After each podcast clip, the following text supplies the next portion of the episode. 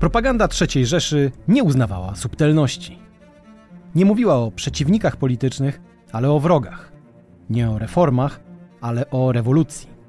Nie o ludziach, ale o podludziach. Wielu Niemców uwierzyło w opowieść o misji narodu niemieckiego zagrożonego przez wiecznych wrogów.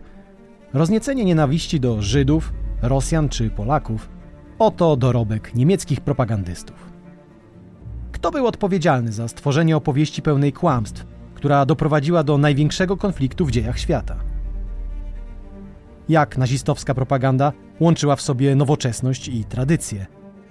Dlaczego poszukiwanie wroga wiązało się z kultem Adolfa Hitlera? Wreszcie, na czym polegał totalny charakter niemieckiej propagandy okresu III Rzeszy? O tym wszystkim porozmawiam z moim gościem, profesorem Eugeniuszem Cezarym Królem, politologiem i historykiem zajmującym się dwudziestowieczną historią Niemiec. To jest podcast Muzeum Historii Polski. Nazywam się Michał Przeperski i zapraszam. Część pierwsza. Nowoczesność i tradycja. Zacznijmy może od tego, jaką właściwie e, rolę pełniła propaganda w państwie e, nazistowskim. Ciekawe jest też dla mnie, co właściwie było w tej propagandzie nowoczesnego, a co może w jakimś sensie bardziej tradycyjnego? No, rola była kluczowa. Y, z tego powodu, że była to rola, która miała za zadanie utrwalić świadomości zupełnie nową sytuację, sytuację reli- re, chciałem powiedzieć religijną, rewolucyjną, y, bo tak to przywódcy III Rzeszy postrzegali, że oto jest nowa rewolucja. W związku z tym głównym narzędziem realizacji tej rewolucji jest propaganda. Ta propaganda stała się bardzo ważnym ośrodkiem władzy. Trzecia Rzesza w ogóle była trochę podzielona na takie ośrodki y, władzy. Oczywiście nad wszystkim był y, ten e, parasol e, Führera, ale jednym z najsilniejszych był ośrodek wokół e, szefa propagandy, czyli Józefa Goebbelsa. Jeśli pan pyta o to, co było tradycyjnego, a co nowatorskiego, to odpowiedź może być bardzo długa albo bardzo krótka. Generalnie była to propaganda tradycyjna w sensie sięgania do określonych motywów. Natomiast była nowatorska w tym sensie, że była niesłychanie mobilna i intensywna, ponieważ była to propaganda totalna, więc taka propaganda, która nie miała konkurencji, bo cała konkurencja znajdowała się pod kluczem, na przykład słuchanie radia po 1939 roku było zagrożone wysokimi karami, z karą śmierci włącznie, co zresztą zostało w kilku przypadkach wykonane. A więc istnieje sytuacja braku konkurencji jakiejkolwiek, a więc sytuacja monopolu propagandy. Istnieje sytuacja, gdzie jądro aparatu propagandowego obejmuje właściwie cały obszar świata kultury, sztuki i mass mediów. Bo Ministerstwo Propagandy Rzeszy od 1933 roku nazywało się Ministerstwem Oświecenia Narodowego. Ja tak tłumaczę słowo Aufklärung, oświecenia narodowego, Volksaufklärung i propagandy. W tym zawarte były ambicje Józefa Goebbelsa, która które do pewnego stopnia zostały dozwolone przez Führera. Mianowicie krąg oddziaływania był niezwykle szeroki, bo jeśli patrzymy na strukturę e, ministerstwa i podział na departamenty, to tam właściwie jest całe życie kulturalne i masmedialne. A więc prasa, e, kino, e, radio, co tam jeszcze, sztuki piękne. No, krótko mówiąc, cały właściwie cała paleta Słowem, to słowo propaganda w wykonaniu III Rzeszy jest niezwykle no, szerokie. Widać wyraźnie, że ambicją Goebbelsa, dopuszczoną przez y, y, Führera, było oddziaływanie właściwie na wszystkie sfery życia duchowego w III Rzeszy. I to jest rzeczywiście coś nowatorskiego, bo takiej sytuacji e, w dziejach e, e, Niemiec przedtem nie było. Jeśli na przykład sięgniemy e, pamięcią do II Rzeszy albo do Republiki Weimarskiej, to przy wszystkich zastrzeżeniach, jakie należy mieć do funkcjonowania tych systemów politycznych, to tam panował jednak pluralizm masmedialny na przykład. tam była pewna konkurencja, jeśli chodzi o funkcjonowanie różnego rodzaju źródeł oddziaływania na społeczeństwo. III Rzeszy nie było literalnie pod tym względem nic. I to jest to nowatorstwo. Natomiast jeśli patrzymy na rzeczy tradycyjne, to widzimy wyraźnie, że jest to twór synkretyczny. A więc y, propaganda III Rzeszy nawiązywała do różnego rodzaju elementów, które już były w obiegu y, w III Rzeszy.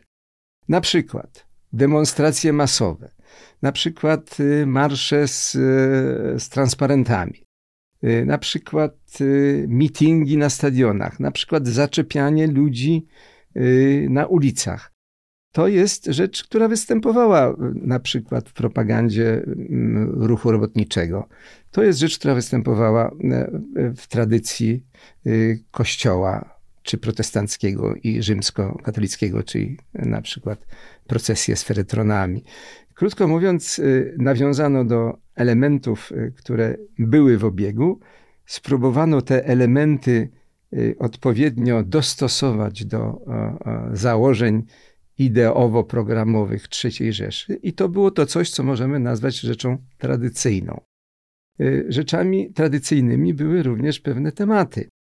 Tyle tylko, że to było już y, y, coś, co mieściło się w kategoriach czarno-białe.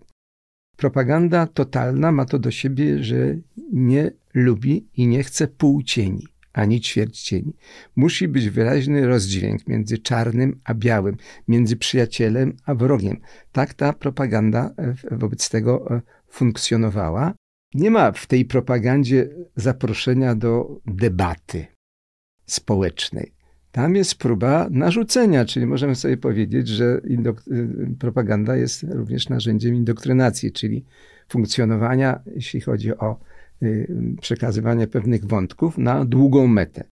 Tak bym widział problem, y, co nowatorskie, a co tradycyjne, nie wchodząc y, w szczegóły. A co się tyczy podsumowania tego problemu, to od czegośmy wyszli w naszym, naszy, przy naszym początku, czyli znaczenie propagandy III Rzeszy, to jest to propaganda, która ma właściwie rolę czołową, jeśli chodzi o funkcjonowanie wszystkich właściwie e, e, dziedzin życia społecznego w III Rzeszy. Józef Goebbels i jego aparat, o którym za moment pewnie powiemy, jest y, właściwie aparatem, który przenika wszystkie dziedziny, od y, życia społecznego, kulturalnego przez życie gospodarcze i y, życie, jeśli można tak powiedzieć, wojskowe. Wszędzie są e, elementy odniesienia. Dla przykładu, przy y, Ministerstwie y, Oświecenia Publicznego i Propagandy funkcjonuje łącznik y, z Gestapo. Funkcjonuje łącznik z wojskiem. Funkcjonuje łącznik z życiem gospodarczym. Słowem, propaganda jest takim rodzajem no, ośmiornicy, która ma wiele macek wpisanych w funkcjonowanie życia ludzkiego w III Rzeszy. Panie profesorze, no to w takim razie powiedzmy trochę o strukturach propagandy i o najważniejszych e, osobach, które tę propagandę tworzyły. No jest to właściwie e, idealny model propagandy totalnej. Żaden z systemów politycznych totalitarnych nie dopracował się takiego modelu. Ani w Związku Radzieckim, ani we Włoszech za czasów Mussoliniego nie doszło do takiego idealnego zespolenia wszystkich elementów Y, aparatu propagandy totalnej, której założeniem było to, żeby przeniknąć właściwie całą strukturę życia y, społecznego, politycznego, gospodarczego w III Rzeszy. Te najważniejsze instytucje, o których należy powiedzieć, to przede wszystkim kierownictwo propagandy Rzeszy. Reichspropaganda Leitung. To jest propaganda partyjna, NSDAP, która wykluła się w momencie, kiedy pojawiło się NSDAP, czyli na początku lat dwudziestych. Szefem Reichspropaganda Leitung na początku był zacięty wróg e, Adolfa Hitlera, jego konkurent, który poniósł porażkę, a właściwie e, w dwóch osobach bracia Strasserowie. Gregor Strasser był e, szefem tej, tego aparatu propagandy w, w początkowej fazie. Co ciekawe, przez pewien czas E, Strasserowie byli e, przełożonymi Józefa Goebbelsa, kiedy on zaczynał swoją karierę polityczną. i właściwie podzielał nawet poglądy Strasserów, które wyraźnie różniły się od poglądów Hitlera. Żeby najkrócej to ująć, można powiedzieć, że o ile w zwrocie narodowy socjalizm Hitler akcentował słowo narodowy, oczywiście z akcentem na rasowość, o tyle interpretacji braci Strasserów akcent padał na socjalizm. Można powiedzieć w pewnym e, uproszczeniu, że Strasserowie reprezentowali lewicowe e, skrzydło e, narodowego socjalizmu, które nie zwyciężyło. Poniosło porażkę. Jeden ze Strasserów został zamordowany, drugi musiał się udać na emigrację. Słowem, ten kierunek rozwoju narodowego socjalizmu nie przeszedł. Goebbels, zobaczywszy, co się dzieje, stosunkowo szybko się wycofał i po pewnych wahaniach, które znajdują na przykład odbicie w jego dziennikach, przeszedł wyraźnie na stronę Adolfa Hitlera i pozostał mu już wyjerny do, no, dosłownie do samej śmierci. A więc Reichspropagandaleitung, czyli kierownictwo propagandy Rzesz. Drugi element tego modelu idealnego to jest oczywiście Ministerstwo Oświecenia Publicznego i Propagandy, które powstało w 1933 roku, zaraz po tym, jak Adolf Hitler doszedł do władzy.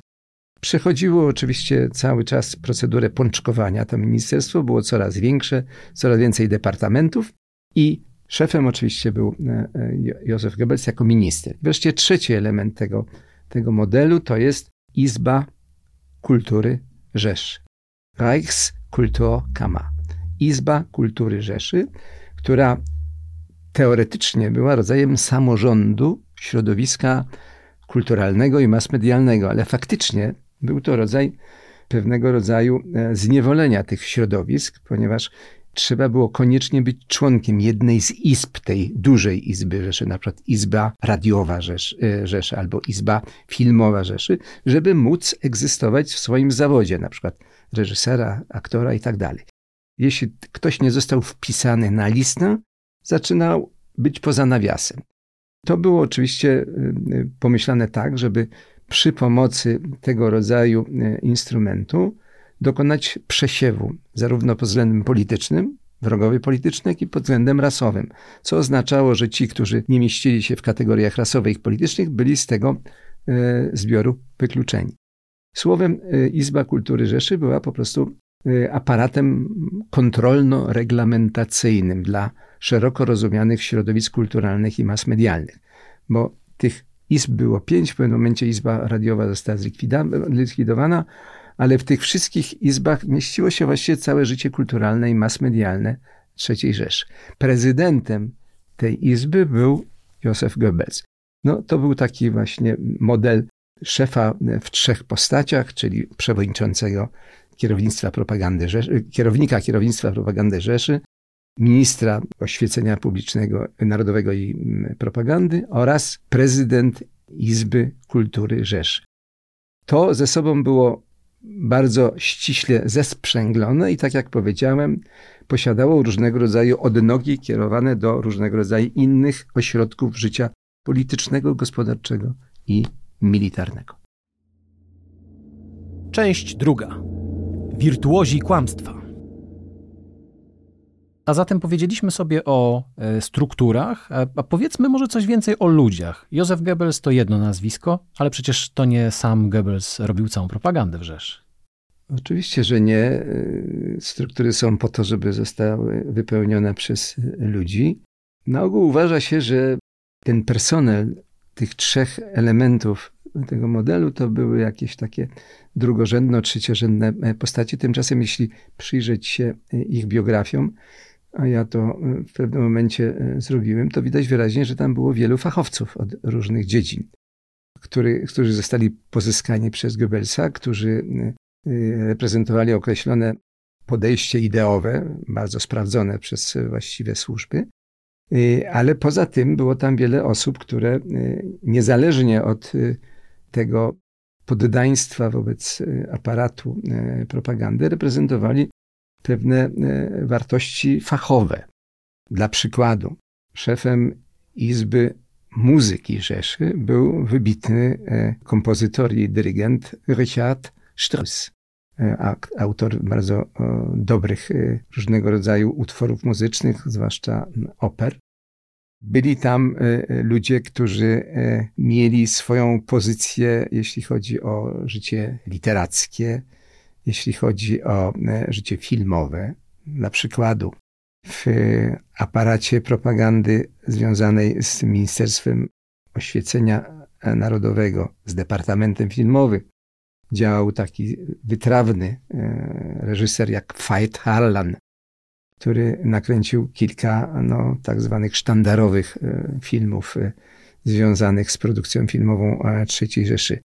Był tam Fritz Hippler, Hitler, nie mylić z Hitlerem, Hitler przez 2P, Y, który nakręcił wyjątkowo odrażający film pod tytułem Wieczny Żyd. Y, był tam wreszcie e, Gustaw Ucycki, który był, jak y, niesie fama, nieślubnym dzieckiem Gustawa Klimta. Austriak z pochodzenia, niemniej jednak e, związany z e, reżimem narodowo-socjalistycznym, autor takiej niesławnej pamięci, ale dobrym, dobrym filmem antypolskim, który się nazywa Heimkehr, czyli powrót do domu albo powrót do małej ojczyzny.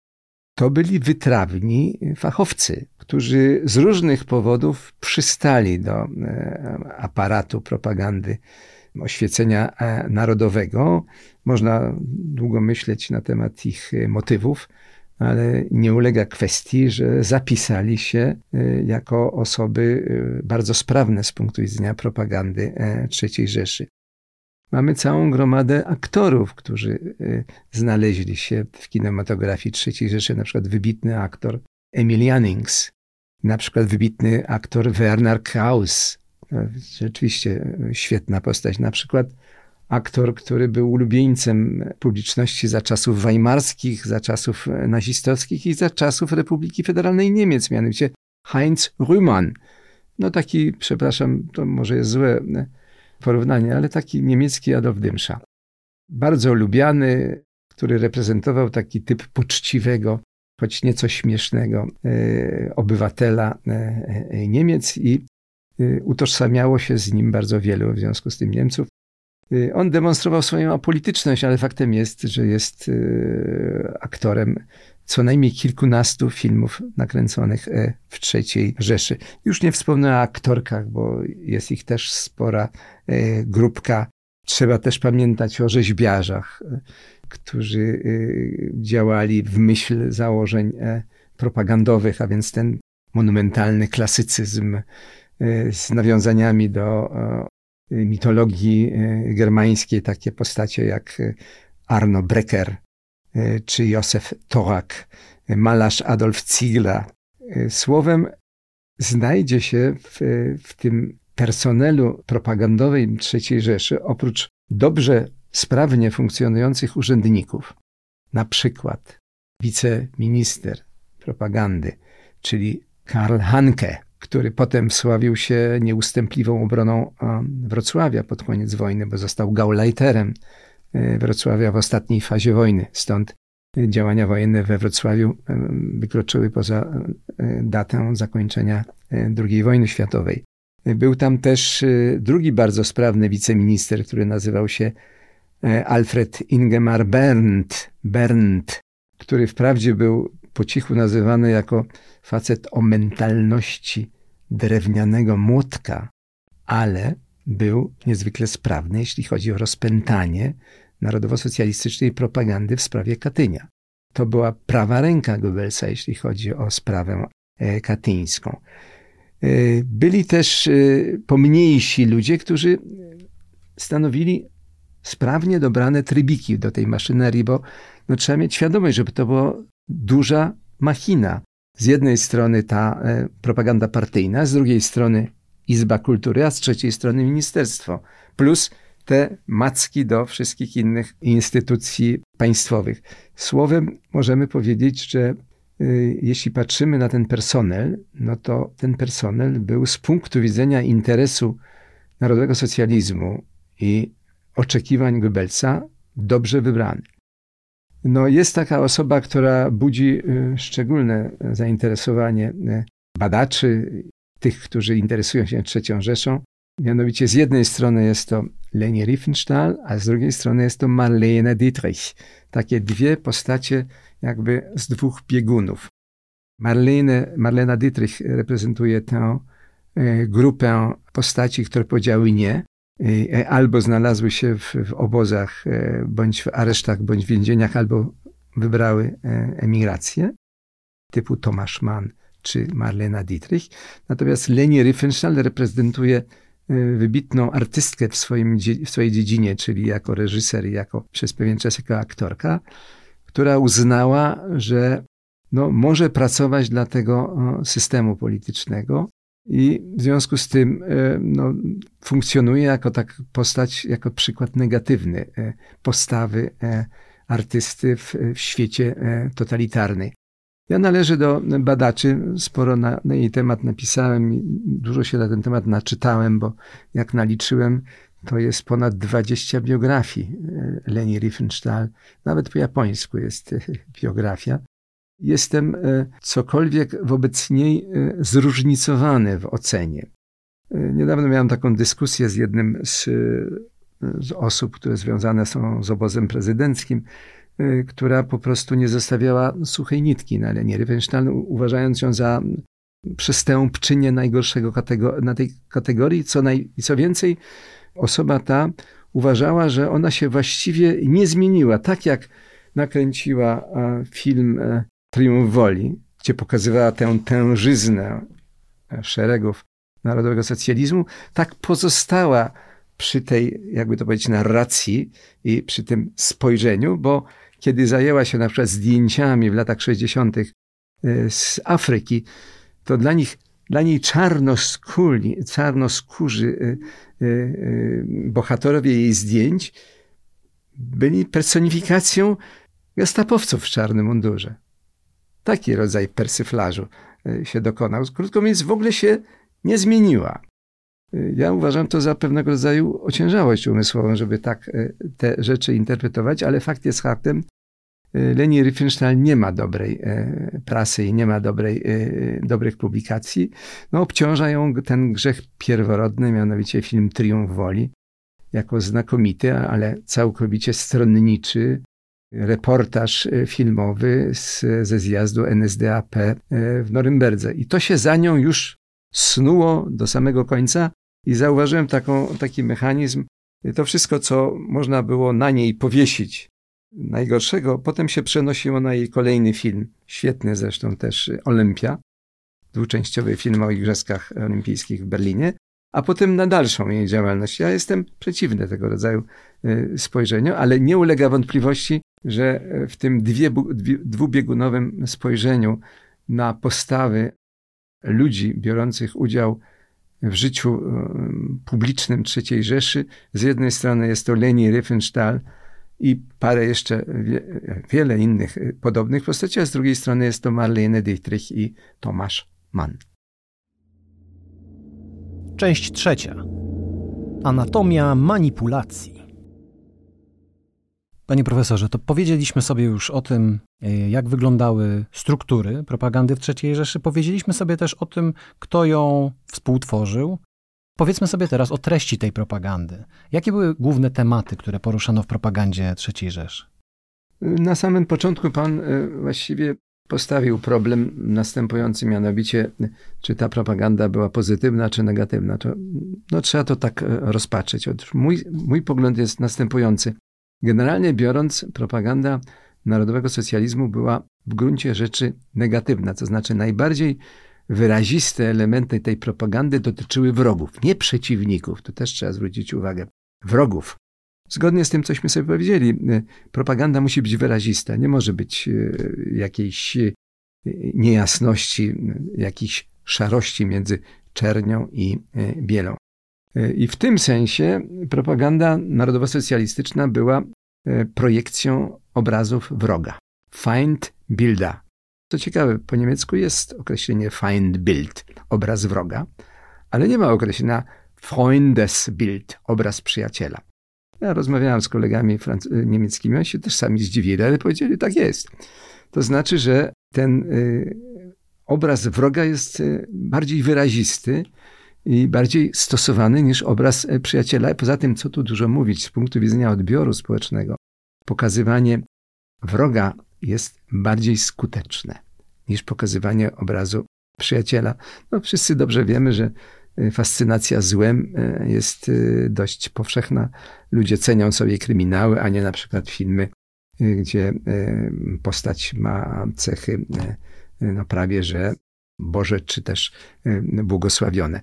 No te zdjęcia, takie filmy przyjmuje się na przykład z szacunkiem, ale publiczność ciągnie na kryminały. I podobnie jest z propagandą. Propaganda, jeśli ma być skuteczna, musi przede wszystkim emitować obraz wroga. W przypadku propagandy III Rzeszy tych wrogów można y, wyliczyć y, bardzo konkretnie. Przede wszystkim wróg żydowski.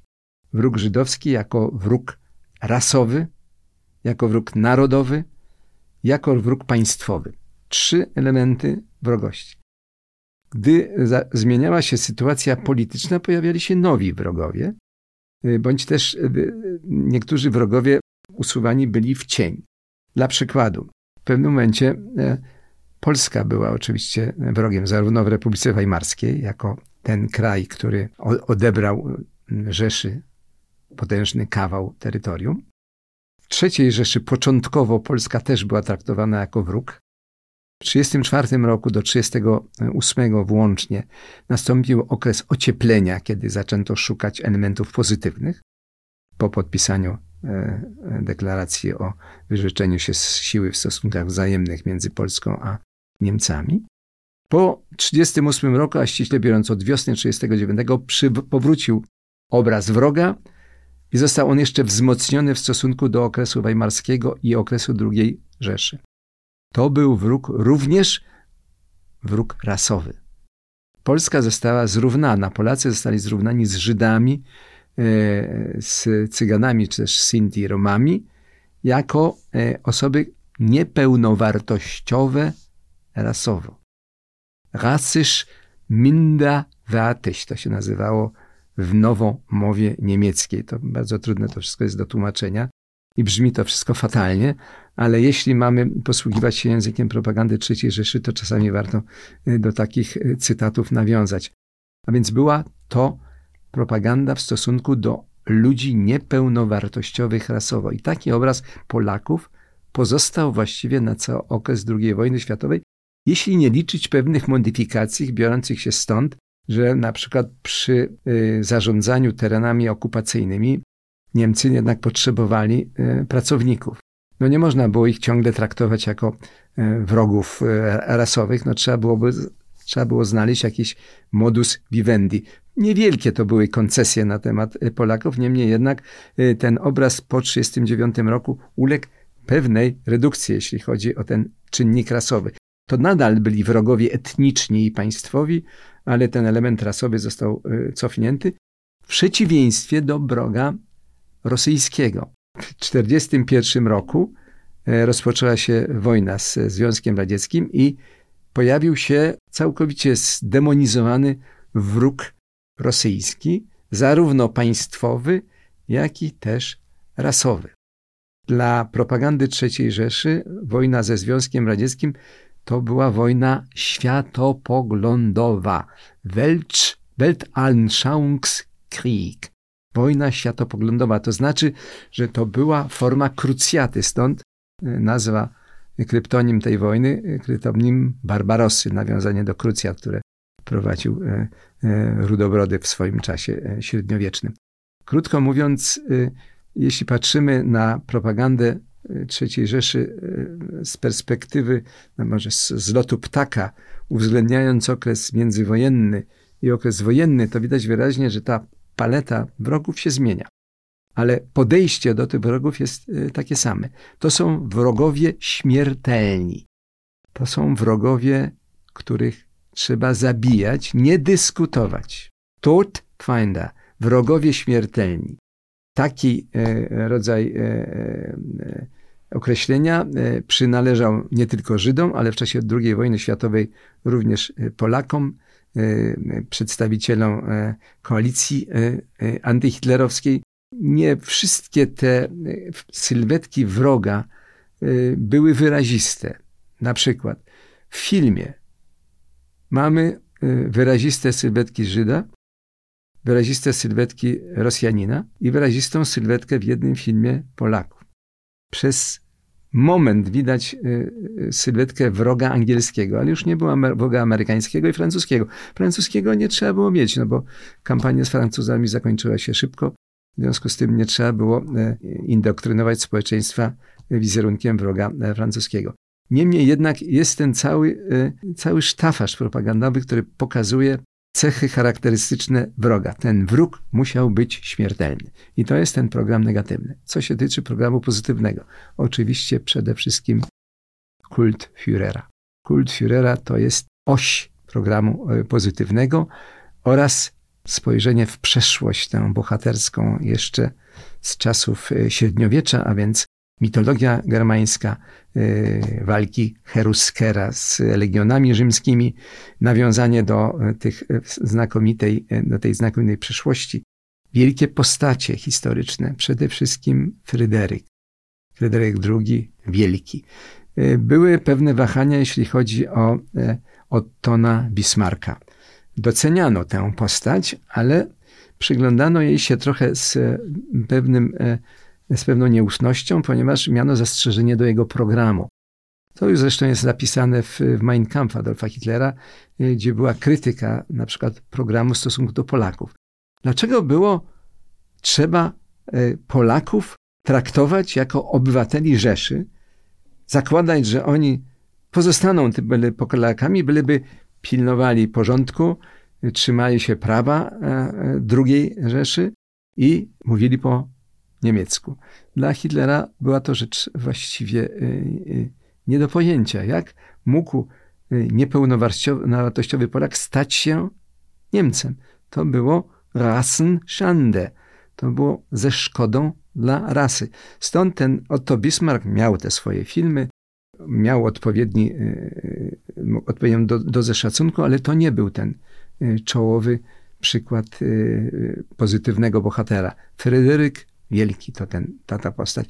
Oraz wielu Niemców, którzy na przykład eksplorowali Azję i Afrykę. Wynalazcy, e, e, wielkie postacie w, w nauce. E, krótko mówiąc, powstał rodzaj galerii takich postaci natury pozytywnej, ale na czele oczywiście stał Adolf Hitler jako postać prawie że traktowana jako w sposób parareligijny. Panie profesorze, i przy tej okazji chciałem o jeszcze jeden wątek zapytać. Ten wątek parareligijny, o którym pan, pan wspomniał, on się objawiał w propagandzie III Rzeszy na różne sposoby i przypominam sobie luty 1943 roku, e, chwilę po upadku Stalingradu i sławetne przemówienie e, Józefa Goebbelsa, który próbował przekonać swoich współobywateli, że ofiara żołnierzy niemieckich właściwie jest zaczynem przyszłego zwycięstwa. zwycięstwa.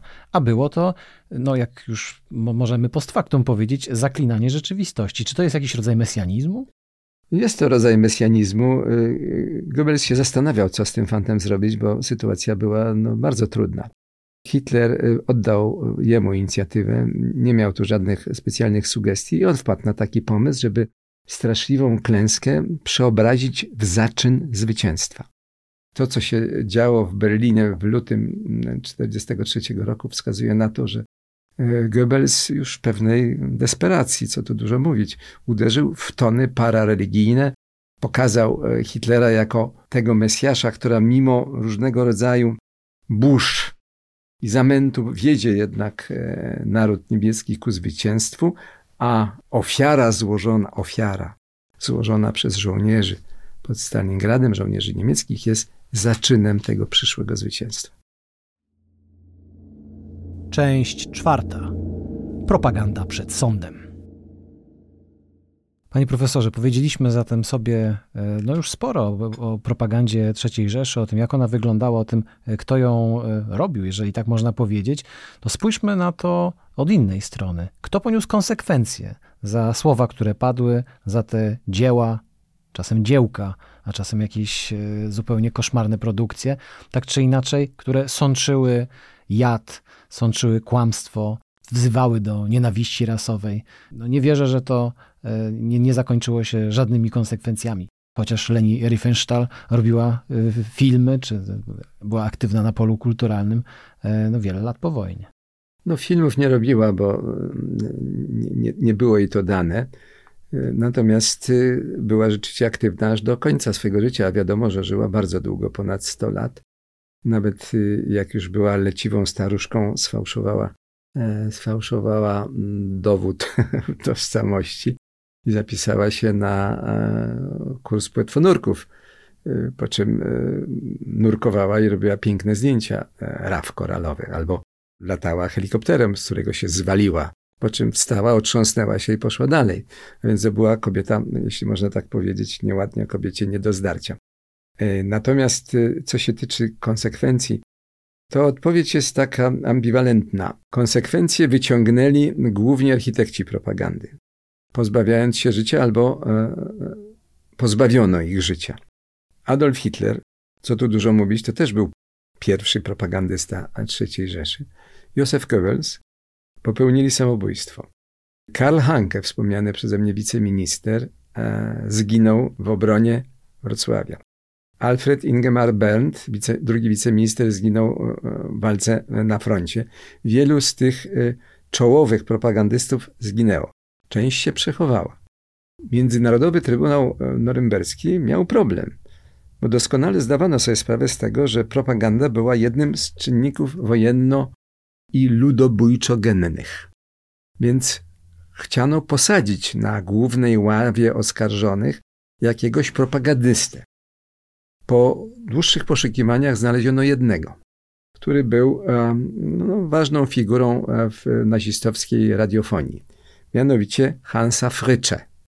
Hans Frycze. On przez właściwie cały e, okres wojny i duży kawałek okresu międzywojennego miał specjalną swoją audycję e, w radio niemieckim pod tytułem Tu mówi Hans Frycze. A więc był to czołowy propagandysta radiowy. Wiele systemów totalitarnych miało takich propagandystów, na przykład e, w Polsce była taka propagandysta, propagandystka Wanda Odolska. To samo było w, w, faszystowskich Włoszech i tak dalej.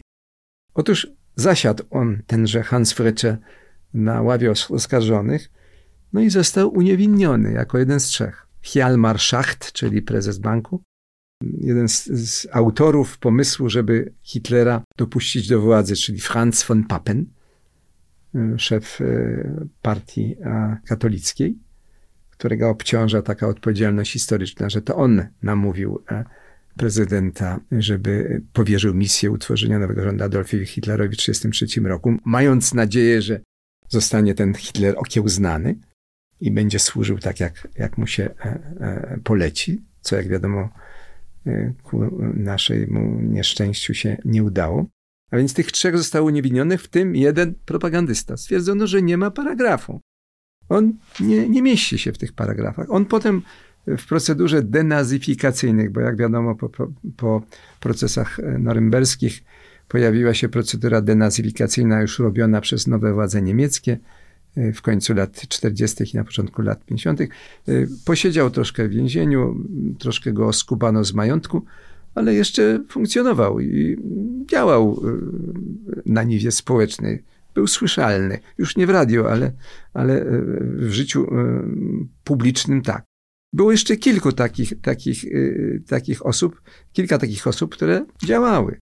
Wiele osób, o których ja mówiłem, że należały do tego personelu i do, E, do tej gwardii propagandowej, aktorzy, e, e, rzeźbiarze, muzycy, ci ludzie, jeśli przeżyli wojnę, w sensie, że nie zostali zabici, odnaleźli się w Niemczech w, w, w nowych rolach, może w tych samych rolach.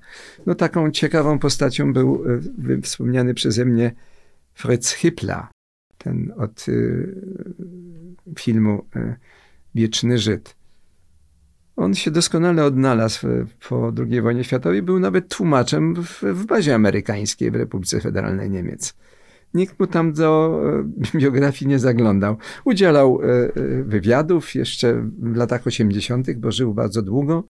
Bagatelizował swoją rolę, jeśli chodzi o film Wieczny Żyta. To jest wyjątkowo perfidny, obrzydliwy film antyżydowski. generalnie te postacie się na ogół przechowały, jeśli fizycznie przetrwały drugą e, wojnę światową. No, co można na to powiedzieć? No, jakby to ktoś to napisał, zabrakło paragrafu. Między innymi dlatego, że nie szukano takiego paragrafu. Zabrakło też woli politycznej, żeby e, wyciągnąć konsekwencje z tych haniebnych ról, które były odgrywane. Przykład Leni Riefenstahl jest tutaj ciekawa, bo ją szarpano przed sądem. Ona szła do sądu, jeśli ktoś ją zniesławiał. I wszystkie swoje procesy wygrywała, bo też nie było na nią paragrafu. Cóż można je było zrobić, poza tym, że e, e, była w wielu środowiskach e, naznaczona karą infamii, zniesławienia. Nie było paragrafu już, mogła dalej funkcjonować. A poza tym nałóżmy taką szerszą ramę.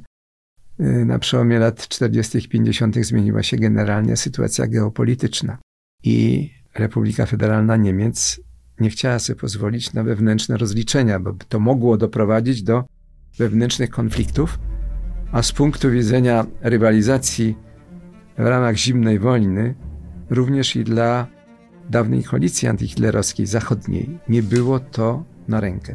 Krótko mówiąc, geopolityka pomogła w cudzysłowie, albo i bez cudzysłowa, tym ludziom, o których Pan pyta, o tych, którzy nie ponieśli konsekwencje za swoje haniebne czyny propagandowe. No więc okazuje się, że nie tylko Werner von Braun przydał się e, aliantom, ale także członkowie e, aparatu propagandowego III Rzeszy. Bardzo dziękuję. Rozmawiałem dzisiaj o tym z profesorem Eugeniuszem Cezarem Królem. Dziękuję też. Podcastów Muzeum Historii Polski wysłuchasz na YouTube, Spotify, Google Podcast, w Audiotece, a także na innych platformach podcastowych. Chcesz być na bieżąco? Subskrybuj kanał Muzeum Historii Polski.